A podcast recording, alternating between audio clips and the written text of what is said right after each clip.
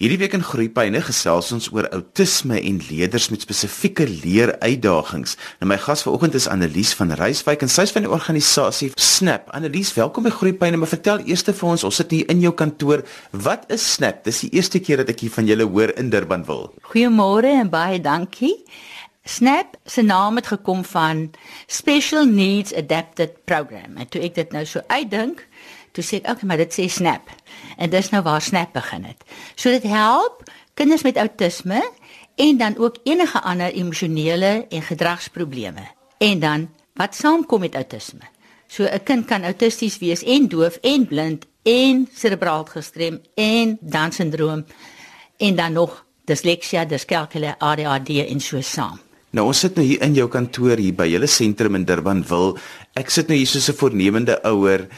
As ouers deur daardie deur kom, hoekom kom hulle hier spesifiek en hoekom beland hulle hier by jou? Die meeste kere is dit omdat hulle vermoed daar's iets verkeerd of die kind se gedrag is so moeilik dat hulle die kind nie kan hanteer nie of hulle is verwys deur die pediaters of sielkundiges want as jou kind op die spektrum is of gedrag wys dan moet hy eers gehelp word met die gedrag want as 'n kindjie nie luister nie dan kan hy nie leer nie so as hy skool toe gaan na 'n skooltjie toe, dan gaan hy nie saamwerk nie. En op die ou end doen hy sy eie ding en as hulle hom dan probeer om te kry om saam te werk, dan gooi hulle hierdie uh tantrums. En dan kan die juffrou dit nie in die klas hanteer nie. Die ander kindertjies ontstel, so hy moet eers heen kom waar hulle dit verstaan, dit hanteer en dan kan hulle teruggaan. Vertel vir ons wat is outisme? Outisme is 'n kind wat probleme het in drie areas. Sosialisering. Hy luister nie en speel nie saam met ander kindertjies nie. En dan taal. Die kinders tel nie en leer nie taal spontaan soos gewone kindertjies nie. Hy sit in sy eie wêreld, hy hoor nie wat aangaan nie en taal is die moeilikste ding vir hom. En dan begin hulle met hulle obsessionele speel en gedrag. So dit kan 'n touwtjie wees, dit kan twee perdjies wees, dit kan 'n trein wees, dit kan 'n vliegtuig wees. Hy begin dan daar belangstel en dit is al wat hy wil doen. Die ander kant daarvan is 'n mens kry op die spektrum hoog en laag funksionerende kinders. En dan kry ons die Asperger's wat wel begin praat. En hulle praat soos professore oor hulle onderwerp, maar hulle pas weer sosiaal nie in die gemeenskap in nie, omdat hulle hulle aandag fokus op een spesifieke ding en net daaroor wil praat. En dan die groot ding met die kinders is hulle is konkreet denkend. So hulle verstaan nie abstrakte taal nie. En daar kom so baie foute en probleme met daardie taal. Nou my siening van die outisme na 30 jaar is dis almal mooi kinders. En dan is dit kinders met goeie geheue. Hy onthou al kan hy nie praat nie. Hy onthou waar sy goed is of wie wat laaste vir hom gedoen het. Hulle kan so goed onthou. Maar hulle maak hulle wêreld voorspelbaar deur patrone in sy lewe in te bou. Omdat hy so konkreet denkend is. En mense verstaan dit nie want hulle sal sê pappa sal jy sê dit is die appel van my oog. En as die kind gil maar ek is nie appel nie. Omdat jy konkreet praat, hy konkreet denkend is en jy abstrakte taal gebruik. Nou, hierdie kinders moet alles alles geleer word en alles is baie dan sien jy 'n gewone 2-3 jarige kindjie, dan sien jy hoe praat hy, dan sê hy dis te hoog, ek kan nie bykom nie. Niemand het dit vir hom geleer nie. Maar nou moet ons vir hierdie kind vat, hom vat en sê kan jy bykom? Nee, dis te hoog. Nou, Annekas, is dit te hoog? En as jy dit dan baie rigied aanleer, dan veralgemeen die kind dit nie en dan pas hy nog steeds in die wêreld in nie. En dan het hy nou jare lank se programme gehad, maar dis nie veralgemeen nie. So as hy dit in my kantoor kan doen, gaan hy dit nie in die dokter se kantoor kan doen nie. Dit moet oral aangeleer word. So die wêreld moet vir hom weier gemaak word. Ouers wat hierdie pad stap, gaan ons nou altyd deur daardie fase van ontkenning waar hulle net vir hulle self sê maar want hulle klou so vas aan die klein groen lote wat so uitskiet en die klein goetertjies, maar hulle wil nie altyd hoor dat daar probleme is nie. Ja. Ons het probleme met ouers wat kom want die die ontkenning is direk daar. En dan as die ontkenning begin, dan sê ek altyd terwyl jy 'n ontkenning is, doen net iets. Want ouers is geneig om dan verder te gaan soek vir iemand wat sê dit is nie. Nou in die eerste plek hoef 'n kind eintlik nie in die begin gediagnoseer te word nie. Want as die kind se gedrag moeilik is, dan moet jy eers sy gedrag beheer. En as die gedrag onder beheer is, dan kyk ons watter punte staan nog uit. Want baie keer nadat 'n kind begin luister, dan sê hy maar, "Was dit of was dit nie?" Maar en dan kom die punte beter uit. Maar dit is ouers moet asseblief nie weghardloop. Hulle moet eerder vir hulp kom, dan sê hulle maar Boetie het eers op 5 begin praat en so. Temple Grandin sê, sy is die mees bekende autistiese persoon. Sy is nou 70 jaar oud. Sy sê, "Don't take the wait and see approach. Begin met daai kindjie werk. En die eerste punt is jy kan nie vir 'n kind taal leer as hy nie luister nie. As hy dit goed op sy terme vir jou sê, dan is daai vordering nie vinnig genoeg nie. Kan miskien net noem dat die eerste privaat kindjie wat ek gehad het, het in 6 maande 3 en 'n half jaar se agterstand ingehaal. Sy het nou haar BA graad, sy is nou besig met haar LLB graad. Sy is nog autisties, maar sy bestuur haar motor, sy bring haar boetie skool toe, sy pas in in in in die samelewing en sy kan haarself nou heeltemal behelp. Sy is nou in 'n koshuis in Perth en sy ehm um, pas in. Maar dit het jare se werk gevat. En daai ouers het saamgewerk. In die begin was dit gedrag. Ons moes deur die gedrag werk om haar te kry om te luister.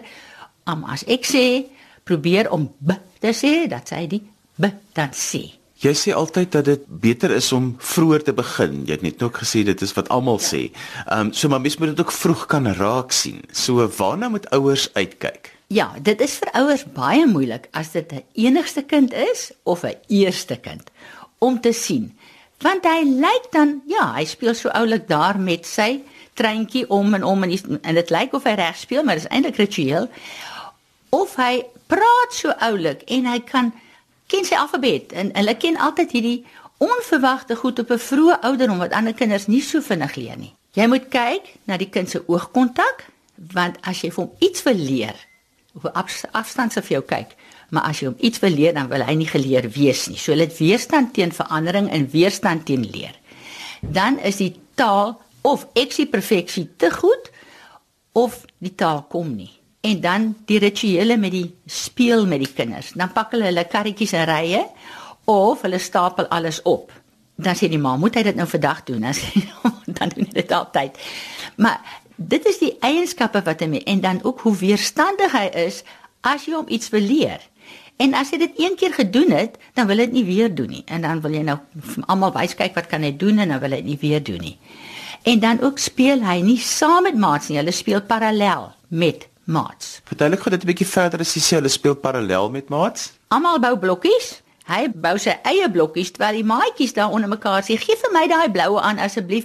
Ag, ek gaan nou met die groen blokkies se huis bou en die ander sê: "Ek gaan nou met 'n bloue," maar hy bou maar net hier een kant sy torentjies en die kinders wat torings bou wil nie plat bou nie. Die kinders wat plat bou wil nie torings bou nie. So ritueel kan 'n mens sien, maar hierdie kind bou permanent torings. As jy hom enigiets gee, dan gaan hy op in die lug dan kan jy sien daar's 'n patroon in sy spel. Op hoe vroeg kan 'n kind met outisme gediagnoseer word? Want ek weet daar's baie debatte daaroor. Ja. Daar is nou in Amerika 'n toets wat hulle het wat hulle blykbaar baie vroeër kan sê, maar dit is nie beskikbaar tot almal nie. So meestal tussen 8 2 jaar en 3 jaar waar die kleintjies nou moet begin praat en nie begin praat nie en dan met hulle ritueel begin wat die ouers dan begin raak sien maar maar dit is daar nie, dan is dit nie daar nie. Dis daai twyfel wat hulle dan het. Dis waar 'n mens dan kan sien en dan sê as jy op daai vroeë ouderdom kan begin en net deurdruk vir 'n spesifieke tyd met asseblief een op een as dit moontlik is of as die mamma saamwerk by die huis en doen wat die terapeut wys wat om te doen dan is daar baie groot vordering in die kinders. Jy luister na Groepyne hier op RSG 100 tot 104 FM en wêreldwyd op die internet by rsg.co.za. Onthou jy kan ook na ons luister op DStv audiokanaal 813. Vandag kuier ons by Snap en dit is 'n nie-regeringsorganisasie hier in Durbanville wat kinders help met outisme en ook met kinders met leeruitdagings. My gas vandag is Annelies van Reiswyk. Annelies, ons sit nou hier in jou kantoor ouers kom deur daai deur, hulle kom sit op hierdie stoele waar ons nou sit. Waar begin jy met hulle werk? Wat kan hulle te wagte wees? Want ek dink baie keer is daai onbekendheid daarvan van wat voor lê is amper die grootste dingetjie om te oorkom om my kind te kan help. Ja, dit is vir die ouers en as hulle kom is hulle baie angstig. En selfs ou ouers wat al hier gewees het, as hulle weer kom, dan is daar altyd eers trane, want jy word heeltemal daarmee gekonfronteer as jy hier kom, want jy weet mos hoekom is jy hier. So wat ek graag vir ouers wil vertel as hulle die eerste keer kom is, wat is outisme eintlik? Want jy moet dit nou takel by die huis en aanpak en deurdruk en weet wat is dit wat jy mee werk. Nou, as die kind weerstand teen verandering het en nie wil leer nie, nou loop hulle agter hom aan met 'n lepeltjie om hom gevoer te kry, maar hy wil nie by die tafel sit nie. Dit moet verander. Hy moet leer om by 'n tafel te sit. En die tafel sit is tweeledig. Die kinders het meestal lae spiertonus, so dis goed om op 'n stoeltjie te sit. Dit behou die postuur, dan is konsentrasie beter. En dit gee die kind 'n plek. Anderste is en dit is struktuur. En dit is hoekom dit belangrik is dat 'n kind wel leer om op 'n stoel te sit en by 'n tafeltjie iets te doen. Die res kan ons baie op die vloer doen en so, maar net om te begin. Of om agter die kind te sit. Vergeet eers van oogkontak. Maar kry nie dat daai handjies saamwerk om uh, blokkies af te haal en weer op te sit of in te sit en uit te haal. Dit is baie belangrik. En van daar af, as ons nou mooi geluister het, wat doen hierdie kind wat nou op die spektrum val? En dan gaan ons na die gedrag toe. Hoe kry ek die kind om om te gedra? Want die die huisgedrag is die moeilikste een om af te breek om nuwe patrone te begin. Dit is vir ouers baie hartseer as hier 'n tutor kom en sê vat die kindjie en 'n uur later dan luister hy vir die tutor. Maar dit is omdat daar nie patrone opgebou is nie. En daai onmiddellik kan jy met jou manier van hantering begin en hy luister. Nou moet daai huispatrone afgebreek word. En dan kyk ons na die dieet. Want baie van die kinders kom wildwoes in moeilik hier aan en na 3 dae om die kaseïn en die ehm um, gluten weg te vat en die suiker en die kleurstof en die geurstowwe verander hierdie kind se gedrag. En die parel was daar seentjie wat so moeilik was. Hy het die hele arbeidsterapie se kamer heeltemal verniel. En ons het sy dieet verander, toe was hy intolerant vir daai kos. En toe was hy by daai skooltjie gelabel as 'n stout kind, toe sê ek vir nou soek ons 'n ander skool. En hy's verder in die hoërskool en dit gaan goed met hom maar ons moes eers al daai areas bekyk om dit te so dis nie net sommer net gedrag en dit en dat nie. Daar's 'n klomp en elke kind is anders. As jy een kind gesien het met outisme het jy een gesien. So jy kan nie dis hoekom 'n ouer ook sal sê ek weet hoe my kind hanteer maar jou kind kan dalk ander goed hê. En dis hoekom 'n mens weier moet kyk en daar moet ook toesig insig gegee word vir die ouers by die huis om dit af te breek. Anders te verander dit nie. Dan kry ons die resultate dat dat kinders 30 jaar oud is en kaal in die huis rondloop en hy ma sit nou vir die res van haar lewe in 'n eie tronk. Of 'n ander een sit agter tralies by Tegeberg Hospitaal. Die ouers is oud, hulle kan hom nie hanteer nie. Nou om dit te verhoed, is die samewerking van die ouers so belangrik as die kind klein is. Ouers is geneig ook om hulle self te blameer dat hulle iets verkeerd gedoen het. Ja. Nou jy noem nou 'n paar goed op wat ouers kan verkeerd doen, maar die oorspronklike oorsaak wat wat wat die kind autisties gemaak het, dit is mos nie iets wat 'n ouer verkeerd gedoen het nie. Nee, jy kan nie genetika verander nie en as dit geneties vatbaar is, so dit moet 'n mens aanvaar. Uh, ons het almal ons uh, familie karakter eienskappe. En dan sê jy maar waar kom die kind vandaan? En dan kyk jy drie geslagte terug en dan sien jy daar's 'n fotootjie wat net soos hierdie ene nou lyk. So daar kan jy nie aanvaar nie. Maar ouers het wel daardie gevoel dat ek het iets verkeerd gedoen. Jy het nie. En al het jy iets verkeerd gedoen, die pad vorentoe kan jy dit anders doen. Dit is waar die streep kom om dit van waar van waar jy hulp begin kry, dit anders te doen en dan verander dit en verbeter dit. En alle kinders kan leer. Almal beland nie op universiteit nie. Maar eh, ons kry kinders van alle ouderdomme. 'n 9-jarige kind kom hier aan. Ons het 8 jaar een op een met haar gewerk. Sy kon niks doen nie behalwe skree.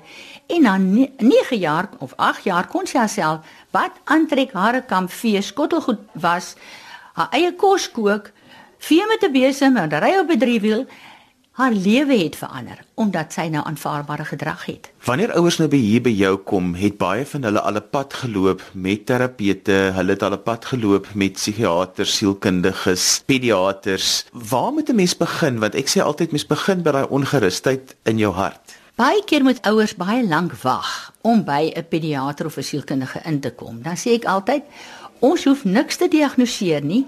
Kom net dat ons jou help met die kind se gedrag. En teen die tyd wat jy dan nou hulp kry in 'n diagnose, dan is jy al op pad. Dan het verstaan jy al party goed beter.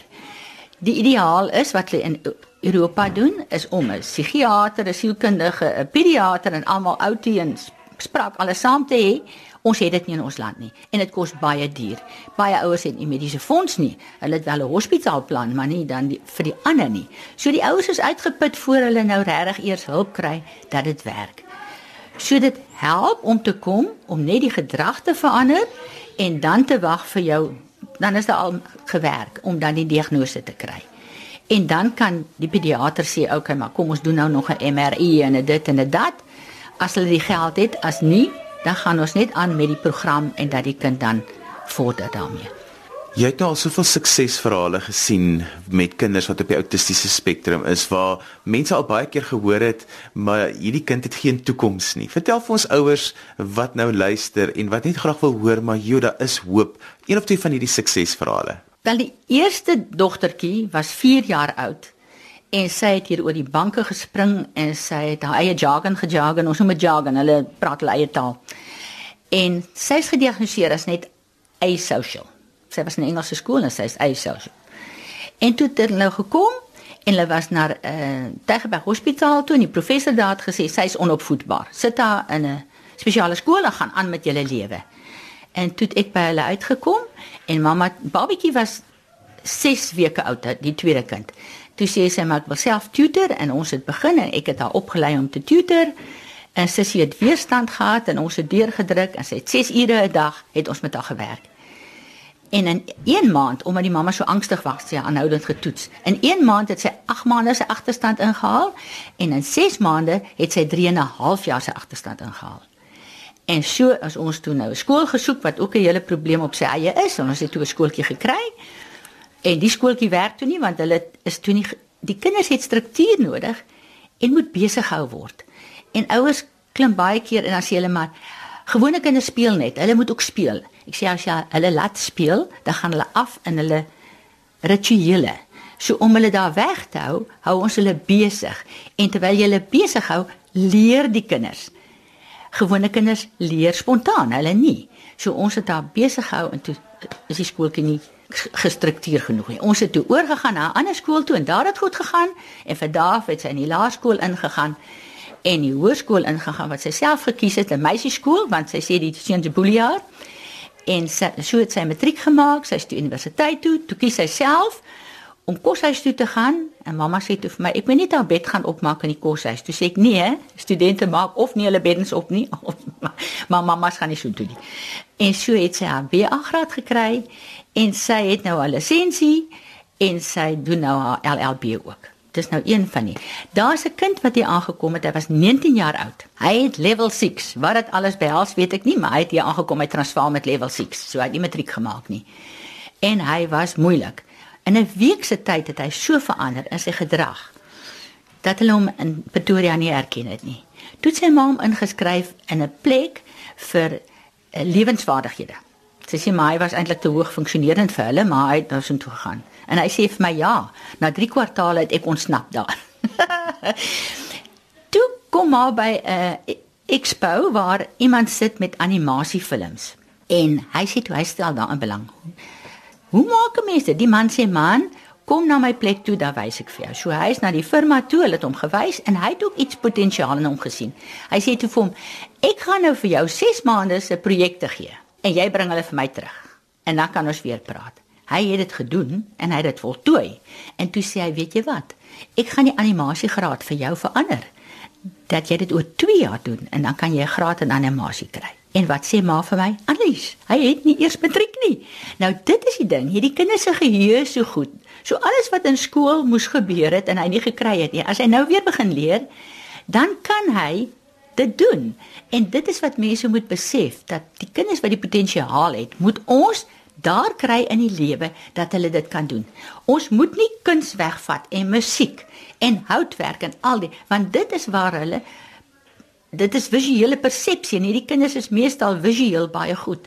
waar dit die brein daai verandering en en vermoëns gee. En hierdie kinders kan almal goed teken. Dit is 'n al kon hy nie 'n potlood vashou toe hy 3 is nie en 'n kolletjie erns teken toe hy 5 is nie. Maar as hy groot is, dan kan jy vir hom dit leer en dis wat hulle nodig het vir algemeening van alles wat jy hulle leer. Want hulle is rigied. Ons moet hulle help om weier te dink en weier te praat en weier te te wees. Annelies, ons tyd is verby. As ouers met jou wil kontak maak, hoe kan hulle dit doen? Uh dis info@snap.org.za Uh, dit is ons e-mailadres. Ons ehm um, telefoonnommer is 021 975 7224 en ons webadres is www.snap for autism alles aan mekaar.org.za. Dis dan alwaar vir ons tyd het vandag. Onthou jy kan weer na vandag se program luister as 'n potgooi. Laai dit af by rsg.co.za. Ons vandag bietjie gesels oor outisme en kinders met besondere leeruitdagings. My gas was Annelies van Reiswyk van die organisasie Snap en hulle het ook 'n kampus hier in Durbanville. Skryf gerus my e-pos by groeipyne@rsg.co.za. daarmee groet ek dan vir vandag. Tot volgende week van my Johan van Lille. Totsiens.